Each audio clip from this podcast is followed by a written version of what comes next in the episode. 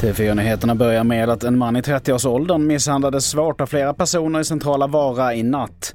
Mannen ska ha blivit slagen i ansiktet och var medvetslös när han fördes till sjukhus med ambulans.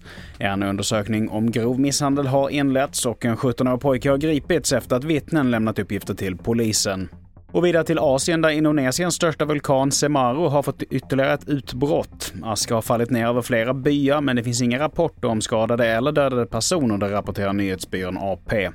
Indonesien har höjt varningsnivån till den högsta möjliga efter utbrottet och Japan har utfärdat en tsunamivarning. Vulkanens senaste stora utbrott skedde för exakt ett år sedan och då omkom 51 personer.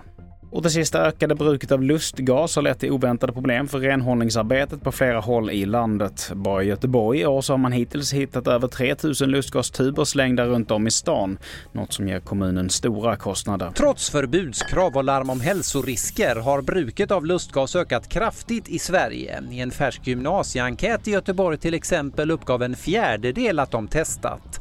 Gasen kan säljas i ballonger som en slags partydrog, alltjämt laglig.